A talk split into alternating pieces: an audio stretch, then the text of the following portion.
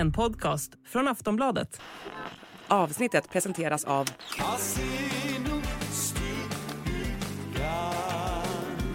Stödlinjen.se, åldersgräns 18 år. Hej och välkomna till Kungligt. Jag heter Sara Eriksson. Och jag heter Jenny Alexandersson. Norska drottningen berättar om den tuffa tiden efter missfallen och Meghan vill starta ett mediebolag. Kan det kanske vara ett sätt att bädda för en politisk karriär? Vi ska även prata om ett nazistiskt brev som har hittats på slottet. Och så tar vi upp att drottning Camilla är med i Antikrundan och kung Charles som faktiskt buades ut och möttes av protester.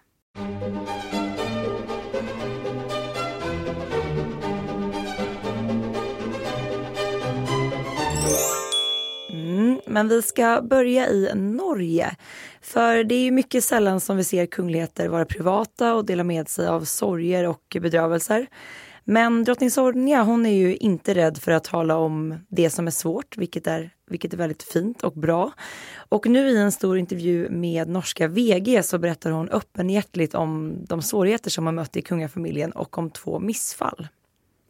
I juni 1970 så gick norska hovet ut med ett pressmeddelande om att drottning Sonja väntade sitt första barn. Det var väl ungefär två år efter att hon gift sig med Harald. Men bara en månad senare så fick hon ett missfall. Och ett par år senare så kom det ett nytt meddelande om att drottning Sonja var gravid. Men bara några dagar senare så miste Sonja det barnet också. I intervjun i VG så berättar drottningen hur otroligt svårt det var och hur tuff upplevelsen var. Hon säger att det mest intima blev offentligt. Och den ena gången så skedde det ombord på kungaskeppet utanför Hankö. Och eh, Sonja blev då nerhissad från den ena sidan av båten och fördes sedan till sjukhuset i Fredrikstad. Men hon, hon säger i den här intervjun att eh, det var förfärligt för det stod så många människor och tog emot. Hon säger också att det var hemskt för det blev en mediauppståndelse när man skulle åka därifrån. Hon menar när hon skulle åka ifrån sjukhuset sen. Men eh, 71 så kom prinsessan Märta Louise och 1973 så kom kronprins Håkon. Och det är ju väldigt speciellt det här med att kungligheter pratar så öppet om otroligt personliga saker. Men hon har faktiskt varit mycket öppen kring sina sorger. Eh, hon skrev ju en bok, Drottningen, som kom ut 2012.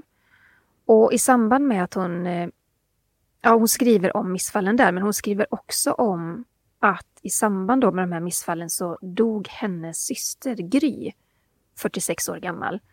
Och eh, systern tog då sitt eget liv, så att det här pratar hon också väldigt öppet om. Och i den här boken så skriver hon bland annat så här. Som alla i familjen så grubblar jag också om jag hade kunnat göra mer för Gry. Och svaret är alltid detsamma. Ja, det är alltid mer man kunde ha gjort, berättar Sonja då i den här boken som sagt. Så att hon har ju varit väldigt öppen med eh, sina sorger och sina känslor. Och som du var inne på Jenny, det är ju, det är ju väldigt ovanligt att vi ser kungligheterna vara det. Ja, och bara det faktum att hon fick ju vänta nio år på förlovning och, och bröllop. Och det var ju så att Sonja var dotter till en manufakturhandlare och kungafamiljen tyckte inte riktigt att det var okej. De hade hoppats på att Harald skulle hitta en kvinna av adlig börd. Så Harald och Sonja de gjorde ju slut ett par gånger. Och eh, med förhoppningen då att ja, men den här kärleken den, den dör ut. Vi kommer hitta andra själsfränder. Men varje gång de träffades igen så, så fanns den kvar. Och det var bara de som skulle vara tillsammans, så enkelt var det. Det känns ju också som att det är just deras bakgrund och liksom deras kamp för kärleken som har gjort liksom att de har varit så öppna gentemot sina barn, att de verkligen ska få gifta sig efter liksom vad hjärtat säger och att det inte har varit så stora diskussioner för dem utan de har varit väldigt så gift er med den ni, ni älskar. Mm. Eh, och det beror nog mycket på det de själva fick gå igenom och ja, men att man liksom, tänk dig själv, man är jättekär i någon och sen måste man göra slut på grund av andras åsikter och sen bara hoppas på att den kärleken ska gå över. Nu gjorde den inte det och idag så lever ju de tillsammans och har gjort i många år. Men ja, tuff, tuffa år för de båda. Ja, och Harald han ställde faktiskt ett ultimatum till sin pappa då, kung Olav. Att antingen så gifte han sig med Sonja eller så gifte han sig inte med någon alls. Så Olav han fick ju ge med sig. Så 18 juni 1968 så gifte sig paret. Men jag tänkte på det du sa där det var ju också lite turbulent med kronprins Håkon mm. och Mette-Marit. Eh, det måste nog ändå känns skönt för dem att ha sina föräldrars stöd i det där.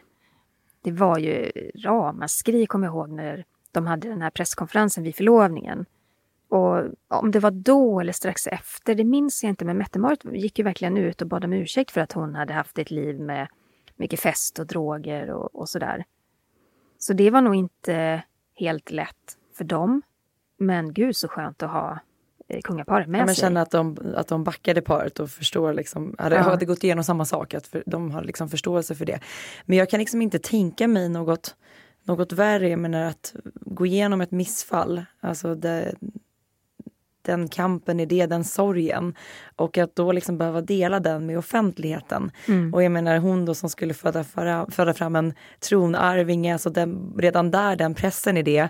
Och sen då att man hinner kommunicera ut att nu är drottningen gravid och sen att då få ett missfall, alltså att behöva dela den med liksom hela landet, hela världen plus den här pressen att det ska födas fram. Otroligt stressande. Ja men så, jag kan inte tänka mig Nej. något värre. Men eh, det kom ju ganska nyligen uppgifter också om eh, prinsessan Sibylla som också gick igenom missfall. Där på den tiden så höll man det ju väldigt hemligt. Vi fick ju höra det via prinsessan Birgitta som berättade i dokumentären Sessan, en kunglig saga, som har gått på SVT. Men då, det här var ju många år tidigare än det, när det drabbade Sonja, men då höll man det ju verkligen inom familjen och hysch hysch och det skulle inte pratas om och, och så vidare. Ja, och knappt att man heller pratade om det inom familjen. Utan inte ens där fanns det liksom en frizon att kunna prata om sina känslor och tankar. Utan allting skulle bara tystas ner och man skulle gå vidare. Och det här är någonting som Birgitta säger i dokumentären, att det liksom inte bara vid den händelsen utan att det har liksom präglat hela deras uppväxt. Att allt som har varit jobbigt och tufft, det har man bara lämnat. Utan någon så här reflektion eller tanke på att någon behöver extra stöd eller hjälp. Ja, men likadant när prins Gustav Adolf dog, Mm. kungens och Hagasessornas pappa. Det skulle också tystas ner just för att hjälpa barnen, men då blir det ju tvärtom istället om barn inte kan få prata om sorg Ja men verkligen. och saknad. Men det är väl just där, är man, är man kunglig dygnet runt? Alltså hur, hur klarar man av att det liksom mest privata i ens liv blir offentligt? Jag tror inte alltid man klarar av det, Nej. faktiskt. Men man gör väl så gott man kan i de kungliga familjerna. Och det kanske är lättare nu, idag, i ett eh, modernt samhälle. Fast jag vet inte. Det är ju också offentlighet på ett helt annat sätt idag jämfört med för 50 år sedan. Mm. När alla har mobiltelefoner, alla kan komma nära och ta bilder vart man än är. Allting sprids väldigt fort Mm. på ett helt annat sätt. Ja, Men jag tycker det är fint att hon är så öppen kring det här och att tala om det på det här sättet. Eh, det kanske också har varit ett sätt för henne att, att bearbeta Mm. sorgen. vi ska ta oss till USA. För det är dags för veckans Harry och Meghan.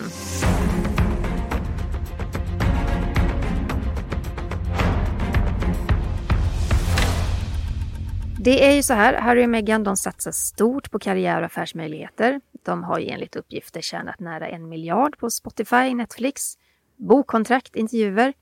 Och nu är det dags för nästa steg för Meghan. Hon ska starta en hemsida med samma namn som hennes tidigare blogg som hette The Tig.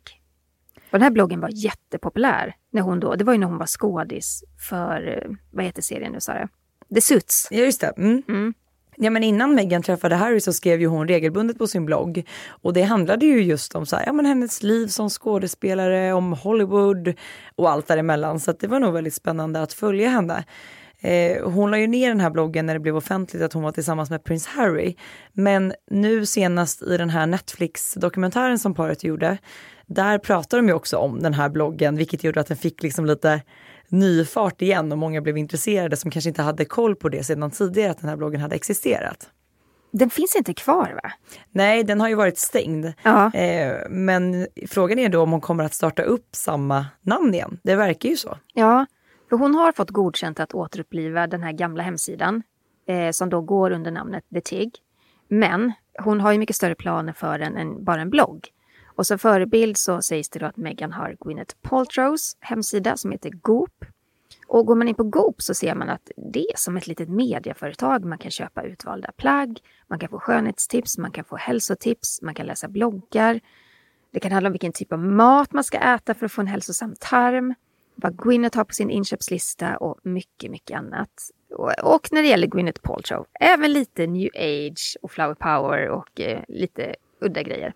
Men summa summarum, Gwyneth hon tjänar ju såklart multum på sin hemsida och nu vill då Meghan göra samma sak påstås det. Ja, alltså det här låter ju verkligen som en, en stor medieplattform, att det är det hon ska satsa på. Jag kan tänka mig att det blir mycket så här affiliate-länkar. Hon kanske då kommer att tipsa om sina bästa, det kan väl vara allt från kläder till beauty-tips och jag kan ju bara tänka mig hur stor trafik som kommer att dras in till den här hemsidan. Har inte Opera också en sån stor eh, hemsida? Jag söker direkt, nu ska vi se. Säg, det ringer ingen klocka för mig där. Nej, nej, det kanske hon inte har. Det känns som att hon hade ju varit hade gått i bräschen för något sånt annars. Men jag tänker liksom att Meghan som vill förmedla sitt budskap och, och sina ord och, och framtidsplaner. Jag menar startar hon en egen hemsida eller en blogg eller vad man ska kalla det så har hon ju liksom en, en egen plattform där hon kan kommunicera allt i egen makt. Så det är väl i sådana fall ett ganska så smart drag från hennes sida. Ja, och det sägs ju att Meghan har siktet inställt på en politisk karriär och till och med siktar mot en presidentpost. Och då är det jättebra om man har ett budskap som man vill få ut. Att ha ett eget litet mediebolag. Men i den beskrivning av hemsidan som Meghan och hennes jurister har skickat in till US Trademark and Patent Office så ska det också på den här sidan finnas kommentarer inom personliga relationer. Hmm. Och eh, det, det är väl något som Meghan både avskyr och älskar med tanke om man blickar tillbaka på det senaste händelseförloppet de här åren som har passerat. Men det ska bli spännande att se om den här hemsidan startas, startas upp. Jag undrar liksom vad The TIG betyder. Ja, det är eh, eh, så här. Det är namnet på Megans favoritvin. Jaha! så det har liksom ingen annan betydelse i att vara något coolt. Har utan... du druckit The TIG? Nej, det har jag inte gjort. Nej. Det, det har jag inte. Kanske det i sig också får en stor så här, viral spridning. Alla ska, jag ser så här framför mig, TikTok-trend, alla ska testa Megans eh, Tigshag vin. Ja, ja men precis. Ja men spännande. Mm. Jag tycker alltså, man, man tänker nu, Megan har startat sin podd, jag menar hon är redan inne lite i hela den här eh, mediahuskänslan i att hon vill ha podd, hon kanske vill ha en blogg. Alltså hon bygger verkligen i sådana fall upp en egen plattform. Mm. Och där kommer hon att kunna kommunicera det hon önskar. Eh, det som blir nytt, och nu har vi hört mest så här, paret pratar ju mycket via sina liksom, presstalespersoner, men här kanske man då kommer få en mer eh, direkt, ja, men mer direkt kanal. och mer personlig av, avsändarkänsla. Ja. Vi får se, vi håller er såklart uppdaterade. Mm. Eh, vi stannar kvar i Storbritannien. Det är nämligen så att ett mycket speciellt och upprörande brev har hittats i de kungliga arkiven i Storbritannien. Och det är författaren Alexander Larman som gör research kring en ny bok om Edvard den åttonde, ni vet kungen som abdikerade för kärlekens skull 1936 när han träffade amerikanska Wallis Simpson. Spännande dokumentär. Ja, Mm. bok kommer det nog bli. Ja, bok, förlåt. Mm. Eh, Men han hittar i alla fall ett brev från Edvard den åttonde till Adolf Hitler, Sara. Oj, oj, oj. Mm. Det här brevet är ju skrivet 1937 när Edvard då reste runt i Tyskland bara ett år efter att han abdikerat och hans bror då blivit kung. Och den resan var ju mycket upprörande för många i Storbritannien och kungafamiljen och regeringen. Även om många var tyskvänliga vänliga, så var det ju inte helt OK att han då som fortsatt medlem av kungafamiljen visade sitt intresse för nazismen så tydligt. Nej, och det här brevet skrevs den 23 oktober 1937 och det var dagen efter att Edward och Wallis hade haft ett möte med Hitler. Och då skriver han så här. Hertiginnan av Windsor och jag vill varmt tacka dig för den stora gästfrihet som ni har visat oss och för de många möjligheter som ni gav oss att bevittna allt som har gjorts för det arbetande folket i Tyskland. Och så skriver han vidare att eh, Tyskland gjort ett stort intryck på honom och Wallis. Citat. Vi kommer inte att glömma den uppmärksamhet som du gav oss och det varma välkomnande som vi fick överallt. Och Edward avslutar med ett hjärtligt tack för de vackra timmar som han och eh, Wallis då hade haft på Hitlers, vad säger man? Hans Ba- Bayerska landställe. bayerska landställe. Ja. Det är ju, eh, då har de liksom tillbringat ändå ganska mycket privat tid med Hitler. Och eh, ja, uppenbarligen haft vackra timmar tillsammans. Jag tycker det är, det är helt sjukt. Ja. Och man har ju sett bilder på dem tillsammans, det finns ju. Mm. Alltså Hitler tillsammans då med paret. Eh, man har ju förstått att de hade en relation, man vet liksom hur ifrågasatt det här blev. Eh, och nu har då alltså det här brevet hittats. Eh, frågan är om det liksom har legat gömt. Ja, det framkommer inte riktigt av det jag har läst kring det här.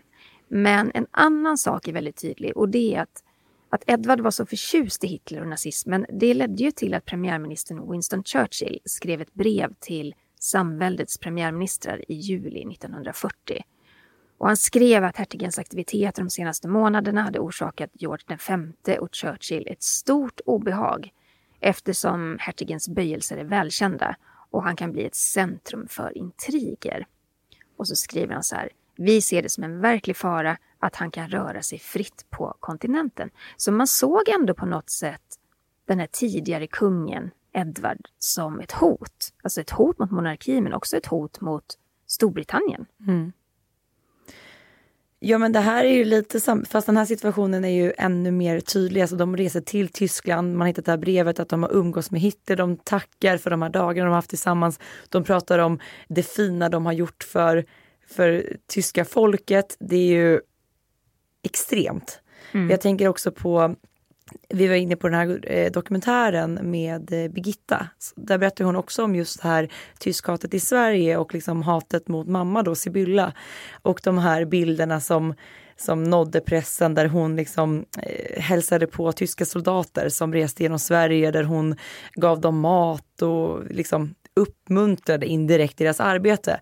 Och problematiken kring att så här, hon, var, hon var en tyskfödd prinsessa men hon var ju en prinsessa av Sverige mm. vid tiden. Och hot som det blev och utgjorde eh, mot Sverige och liksom vilken bild som skapades. Och det är ju samma sak i det här fallet. Jag menar, även ifall att han hade abdikerat och han gjorde det för att han ville gifta sig med Wallis. Han var ju uttryckligen arg på kungafamiljen att han inte fick det. Det fanns en ilska och det i kombination med att han då abdikerar, väljer att lämna det här. Han är ju fortsatt en del av kungafamiljen. Oh ja, och en symbol. Ja. Verkligen.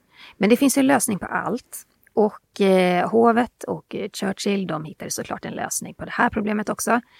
Man såg till att Edward blev generalguvernör på Bahamas. Långt bort från Europa, långt bort från de här politiska spelplanerna.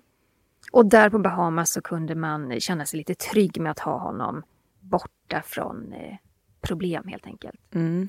Men ett annat brev som också kommit upp i ljuset, det är ett brev som avslöjar att Joachim von Ribbentrop, som var Hitlers utrikesminister, frågade om Edvard kunde vittna till hans fördel i Nürnbergrättegångarna.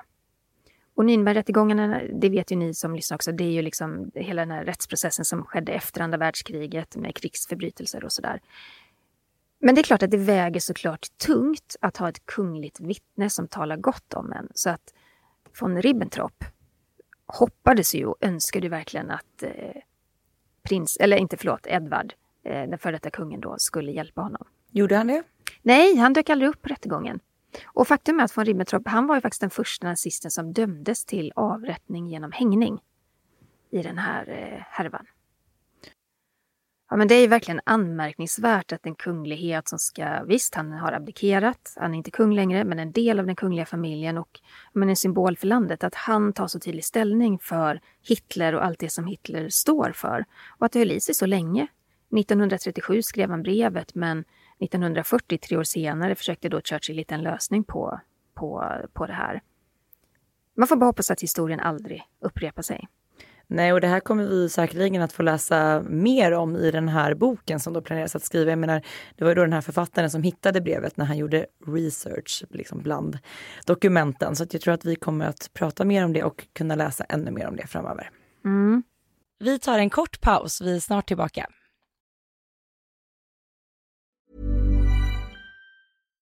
Millions of people have lost weight with personalized plans from Noom. Like Evan, who can't stand salads and still lost 50 pounds. Salads generally for most people are the easy button, right? For me, that wasn't an option. I never really was a salad guy. That's just not who I am. But Noom worked for me. Get your personalized plan today at Noom.com. Real Noom user compensated to provide their story. In four weeks, the typical Noom user can expect to lose one to two pounds per week. Individual results may vary.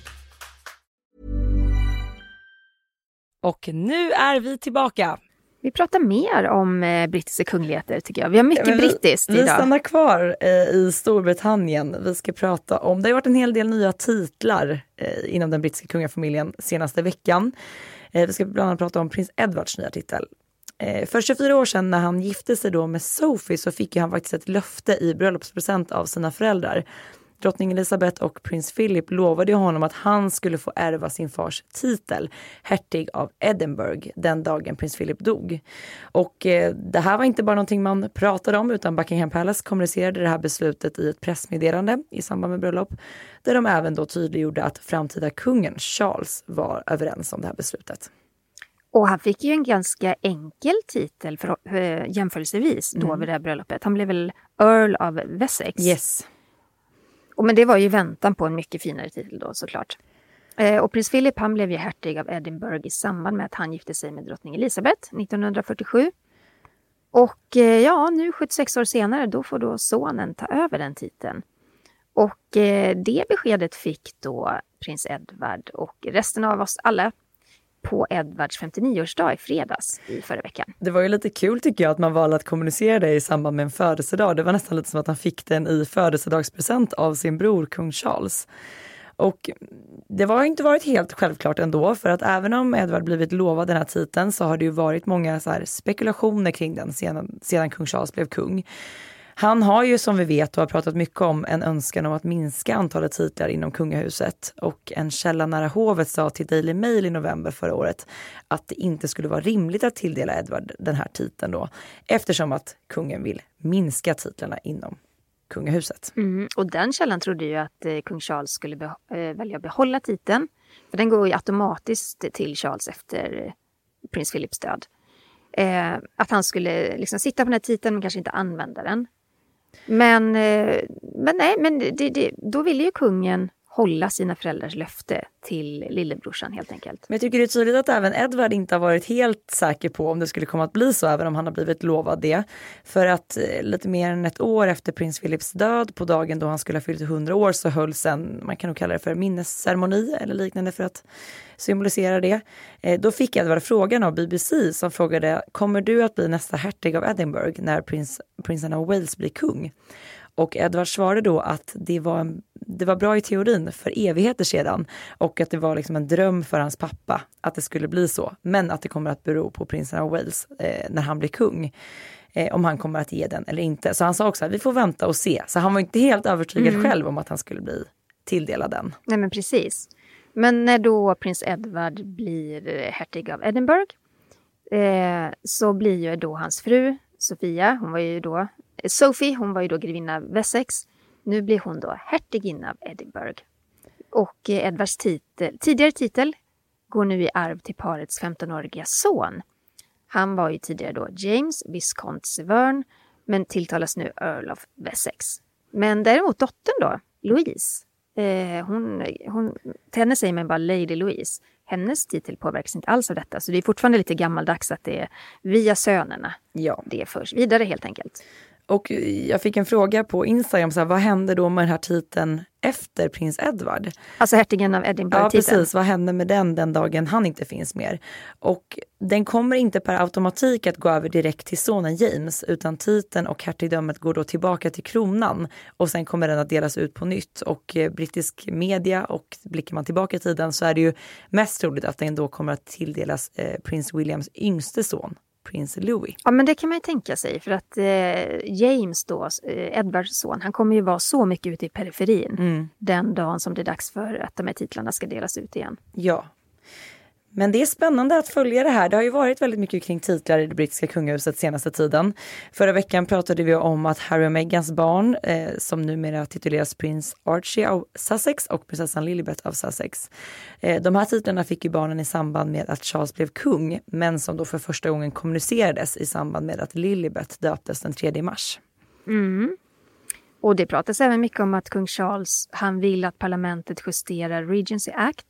Det är en regel som reglerar vem som kan agera tillfällig riksföreståndare när kung Charles då inte är på plats i riket eller om han är sjuk och så vidare.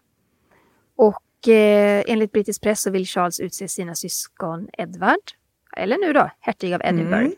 och prinsessan Anne eh, till tillfälliga riksföreståndare.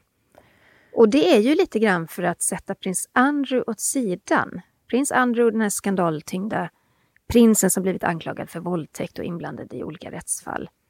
Han är ju inte längre en arbetande medlem av kungahuset och det är ju inte prins Harry heller. Nej, precis. Men de är ju fortsatt eh, med på den här listan och skulle kunna agera då tillfälliga riksföreståndare. Så det här sägs det då att... Men om han vill addera mer, då blir det kanske lättare att undvika Harry och eh. Precis. Eh, och kanske till och med reglera så att de byts ut då mot om han vill addera. Det är det man skriver mycket om. Så vi kommer att följa det också, så ser vi vart det landar. Mm. Men Jenny, vi stannar fortsatt kvar i Storbritannien. Det har hänt mycket i den kungliga världen i Storbritannien senaste tiden. Ja, i måndags så uppmärksammades ju Commonwealth Day genom att eh, man har en gudstjänst i Westminster Abbey. Det här gör man ju varje år. I år såg vi kung Charles, drottning Camilla, prinsparet William och Kate, prins Edward, nej förlåt, hertigen av Edinburgh, hans fru Sophie och prinsessan Anne med sin make. Var det, det var förra året som eh, Meghan och Harry var med, eller hur? Eller var det förra, förra året som var sista gången för dem? Det var väl förra, förra året, vad är det för nu? 2023, Ja, förra, 20, förra året. 21, 20. Det var väl då det var liksom deras grand final lite så. Att Ja. de hade sagt där i januari att vi vill ta ett steg tillbaka. Och sen kom det här då ungefär två månader senare. Det. Och det var då alla världens blickar. Ja, jag, vet- var mycket jag vet, det, då, det var då Meghan bar den här gröna capen. Var det 20, var, 2021? Gör en snabb googling, Jag kollar. Sara, så fortsätter jag att berätta. Men det var ju väldigt mycket drama då i alla fall när Harry och Meghan eh, genomförde sin sista Commonwealth Day. Det var läppläsare i brittisk press som påstod att Harry och Meghan var lite, lite förvirrade och lite chockade över att resten av familjen inte riktigt pratade med dem och eh, hälsade kallt och avmätt. Och de fick inte heller gå i procession med drottningen och eh, de andra kungligheterna utan fick sätta sig då på rad två eller tre, tror jag, bakom de andra kungligheterna. Men eh, nu är, var det då dags för eh, 2023 års Commonwealth Day. Och när kung Charles anlände till Westminster Abbey, då möttes han av jubel. Men även av burop. Och det har sina förklaringar och vi får ta det lite från början. För syftet med Commonwealth Day det är ju att sätta fokus på samhörigheten och de starka banden mellan Storbritannien och de tidigare kolonierna. De kolonier, tidigare kolonier som nu ingår i det som man kallar för samväldet. Det består idag av 54 självständiga stater. Nu är jag tillbaka. Ja. Vänta, Ja. nu, nu har jag äntligen hittat det här. Jag var tvungen att faktachecka lite om det var Ja. 2020 eller 2021. 2020 var det som Harry och Me- Meghan var med vid Commonwealth Day. För- Och det var lite dramatiskt. Ja men det var då som du var inne på, man hade läppläsare och fokus blev helt och hållet på Harry och Meghans närvaro. Men eh, vi ska återgå till årets Commonwealth Day. Ja, men bara så att ni vet, eh, alltså numera har ju flera länder brutit sig loss från samväldet. Eh, många har ju inte längre Storbritanniens regent som statschef. Eh, de senaste åren så har ju flera länder i Karibien meddelat att de vill lämna, bland annat Antigua, Barbuda. Barbados lämnade redan 2021. Och likaså har ju Guyana och Trinidad och Tobago lämnat tidigare samhället. Så det är liksom bakgrunden, men ändå, ändå har man då de här årliga minnes eller liksom dagarna för att uppmärksamma samhället. Ja men det är ju alltså ett ganska så splittrat samhälle som uppmärksammades i måndags och eh, det är det ju även det är även en ny brittisk kung som haft liksom en tuff start på sin regentid som klev in i kyrkan här. Eh, dels tänker jag liksom familjeskandalerna i form av Mexit och prins Andrew som anklagas, anklagades för våldtäkt. Men även då det faktum att han tar över efter en monark som tjänade landet i över 70 år. Det är ju svårt att ta över efter en sån populär drottning och många av de här samhällesländerna man pratar ju om liksom att de har av respekt gentemot drottning Elisabeth liksom behållit eh, som, som det har varit men att man nu ser det här som ett väldigt bra tillfälle att bryta sig loss. Mm. Och eh, kungen då mötte ju otroligt mycket folk utanför kyrkan. Eh, och det fanns då en stor grupp som stod och protesterade och buade och skrek “Not my king” till Charles. De höll upp stora gula plakat som bildade då de här orden “Inte min kung”. De blåste i visselpipor för att överrösta de som jublade. Och i ett pressmeddelande från de här republikanerna så stod det även att eh, de kommer att protestera vid kungens kröning som är den 6 maj. De anser att det är förlegat att ha en kung. Eh, och just att det är någon som föds till en sån här roll. Och de protesterar mot att det faktiskt kostar skattebetalarna ganska mycket pengar. Jo, det här är inget nytt. Det finns republikaner i alla de länder som har en monark idag. Och det är viktigt att man eh, får visa sin ståndpunkt. Och kung Charles verkade inte bry sig nämnvärt över de här protesterna. Eh, men det fanns ju även en grupp från LGBTQ, hoppas jag säger rätt nu, eh, som stod i regnbågsfärgade tröjor utanför Westminster. Eh, de protesterade ju mot att i många av de här länderna i samhället så är det ju kriminellt att ha en annan sexualitet än straight. Och inne i kyrkan då så samlades ju ja, men, höga politiker och eh, dignitärer från samhället och eh, förhoppningsvis så såg ju de de här protesterna. Mm. Ja men absolut. Och det är ju en, en, viktig del i en demokrati också, att kunna få visa sitt eh, missnöje mm. med olika saker. Eh, men okej, okay, det var kung Charles. Men nu måste vi prata lite om drottning Camilla. För ja. hon har medverkat i ett avsnitt av brittiska Antikrundan. Och det var när programmet spelades in i Cornwall förra sommaren. Och Camilla hon tog med två personliga saker till Antikrundan som experterna fick titta på. Bland annat en snuffbox. Alltså jag tolkar ju det som så här, jag tänkte direkt på snusdosa men när man ser det hon har med sig så ser det mer ut som ett litet skrin. Alltså ja. en liten dosa. Eh, och den tog ju hon med sig från Royal Collection. Du, det är en snuslåda. Ja, det är det. Ja, ja. det, är det. Och, och, som sagt från Royal Collection, så den här är ju jättegammal och jättefin. Och sen hade hon även med sig en, vad ska man kalla det, en dikt poesisamling. Eh, en bok eh, av Thomas Gray. Och du vet ju att jag älskar Antikrundan. Jag mm. kollar på den svenska mm. väldigt mycket, jag kollar även på den brittiska. Så det här tyckte jag ju var extra roligt. Och eh, silverexperten i programmet, Dukan Campbell, han är ju då en av ja, men, antikexperterna som är återkommande. Han sa att den här dosan som Camilla tog med sig var det första helt engelska silvret han sett under hela sin karriär. Oj! Så man kan ju bara tänka sig vad den här var värd. Ja, det är säkert ingenting som är till salu, tänker jag. Nej. Men programledaren Fiona Bruce, hon berättade i efterhand då för BBC att eh, drottning Camilla var fantastiskt rolig och eh, att hon också var angelägen om att hinna prata med så många besökare hon kunde där. Vi lyssnar lite. And I know you're a very keen plants woman. I adore gardening. So coming here and seeing the plants, are there particular favourites here? Is anything that strikes you? Well, everything here makes me jealous. You know, you come to these places and you think, why aren't things growing like that in my garden? I mean, they just get everything growing, but they have got the advantage of having the perfect atmosphere to grow in. Men jag tycker det är kul här när programledaren frågar Camilla om hon har någon favoritblomma på platsen de står. Det här programmet spelades in i Eden Garden, eller Eden Project som det också heter, som bland annat då inkluderar världens största växthus. Så det är otroligt fin så här, växtlighet där. Och Camilla är ju likt sin man väldigt intresserad av eh, natur och växtliv och hon svarar att allt här gör mig avundsjuk. Varför växer inte saker så här bra i min trädgård? Mm. Och Camilla får även frågan om hon brukar titta på programmet. Och så här svarar hon. I, should ask, do you watch The Roadshow? Are you a fan? I've watched forever and ever and ever. Good. oh, good. We're glad to hear that, aren't we? Yes. It's my Sunday evening treat. Oh, well that's excellent. Well, look, we're thrilled to have you here, obviously. Hon verkar ju vara väldigt, väldigt förtjust i Antikrundan. Hon verkar vara ett stort fan. Ja, mm. men precis som när kronprinsessan Victoria var med i den svenska versionen av Antikrundan så blev inte heller Camillas saker värderade, utan de bara berättades historia. Varför är det så, Sara? Nej, men jag tror dels är det nog svårt att faktiskt sätta ett pris på det. Eh, det kommer ju liksom från någonting helt annat än vad de är vana vid att se. Det här är ju liksom ett familjearv som har gått i generation efter generation. Och sen tror jag heller inte att man vill att det ska värderas. Nej. Jag tror att det där är lite känsligt. Utan man kan prata liksom kring vad det, vad det är för någonting och var det kommer ifrån. Mm. Men man sätter liksom inget pris på det som man gör med andra besökares ja, men det kan också, Jag kan tänka mig att det är provocerande om experten säger att ja men eh, drottning Camilla, din lilla snus, eh, vad säger man, snusdosa här, mm. den är värd 3,8 miljoner. Alltså ja, jag Nej, men jag tror inte, jag tror inte att man gör det. Men jag tycker att det är, det är lite kul att både kronprinsessan Victoria och Camilla valde att ta med sig varsitt litet ja, men dosa eller skrin till Antikrundan. Eh, kronprinsessan Victoria, det kommer ni säkert ihåg, hon tog ju med en födelsedagspresent som hon fick av Danmarks tidigare drottning, alltså mamma eh, till nuvarande drottning Margrethe.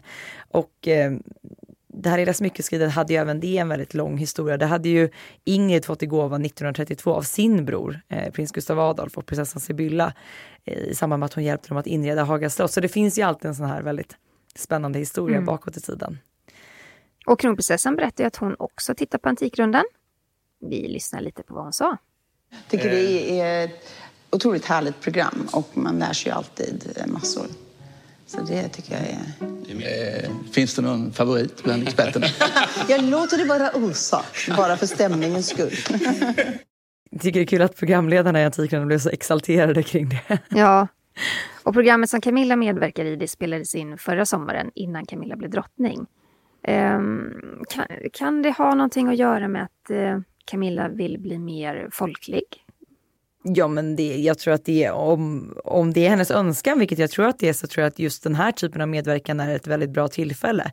Jag menar, jag hade svårt att se liksom eh, drottning Elisabeth vara med på Antikrundan och gå och prata med besökare på det sättet. Det hade man nog inte ens kunnat föreställa sig. Men jag menar, det här är väl ett väldigt bra sätt att bli mer folklig, komma lite närmare folket och jag menar, just Antikrundan känns som ett, ett bra program att medverka i. Mm.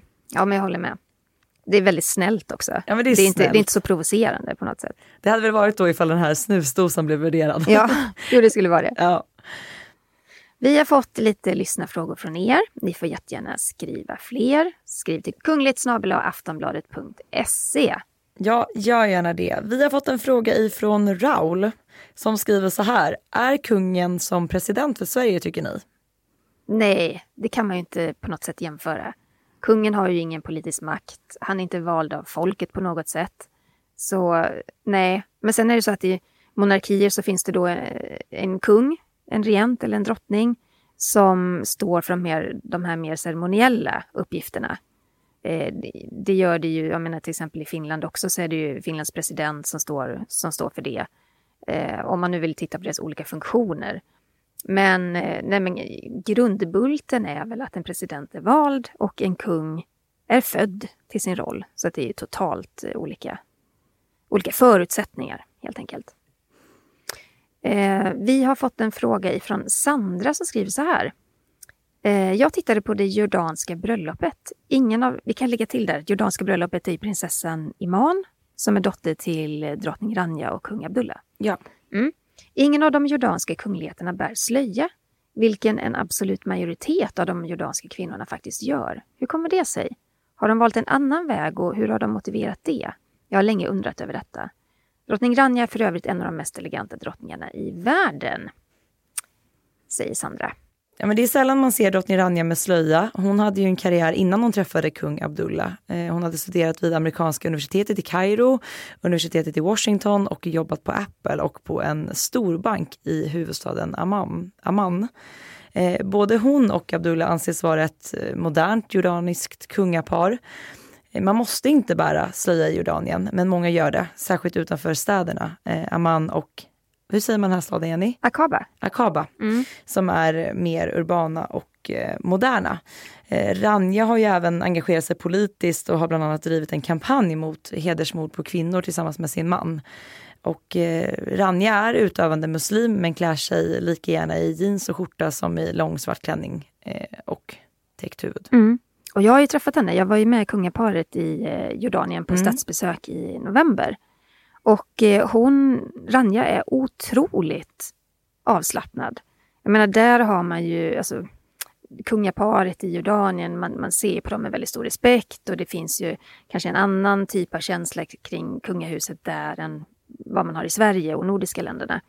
Men eh, Ranja är väldigt eh, jordnära och eh, står väldigt nära folket tycker jag. Och det där med att inte bara slöja, alltså jag håller med, jag håller med eh, Sandra heter eh, som har skrivit frågan att eh, kommer man utanför de här städerna så ser man ju nästan alltid kvinnor som har slöja. Att det är det som, som gäller. Men jag tycker då, i Amman så såg jag väldigt få som bar slöja. Så det har nog väldigt mycket med det att göra också, liksom, om man rör sig på landsbygd eller inne i de här städerna. Och, eh, nej, jag tror inte jag såg Ranja någon gång med slöja faktiskt under det statsbesöket. Men det var bra, bra fråga. Väldigt Spännande. bra fråga. Mm. Vi har fått en fråga från Katrin som skriver så här. Har ni några gissningar vad Victorias valspråk kommer bli när hon tillträder som drottning? Oj, vad omöjligt att svara på. Jag tänker spontant att hon, alltså hennes pappas valspråk skulle även kunna passa henne för Sverige i tiden. För att den tid vi befinner oss i just nu är så föränderlig och det Mm. händer så otroligt mycket. Vi ser kungahuset också anpassa sig mer och mer till, ja, men till samhället. Jag tror inte ens jag vågar gissa. Det är inte jag heller. Eh, det känns dock som att det vore lite så här trist att bara liksom ta över pappans valspråk. Skulle man kanske kunna modernisera det på något sätt? Jag vet inte. Säkert. Men det här är spännande. Man undrar liksom om de tankarna redan finns eller om man tar tag i det den dagen det är dags Ja. och så vidare. Eh, det blir intressant. Ja. Mm. Jenny, vi håller ju på och samlar ihop en massa frågor för vi ska ju göra ett sånt här stort frågeavsnitt igen som vi gjorde eh, vid, i julas. Eh, så skicka jättegärna in fler frågor till oss och det gör ni till kungligt.aftonbladet.se. Vill ni ha dagliga nyhetsuppdateringar kring kungligheter? Så var finns du? Var hittar man dig Sara? Man kan följa mig på Instagram, där heter jag royalistan.se och vad heter du på Instagram? Kungligt med Jenny, så följ oss gärna där. Ja. Och tack snälla för att ni har lyssnat på det här avsnittet. ja men tack, vi hörs igen nästa vecka. Det gör vi. Hej då!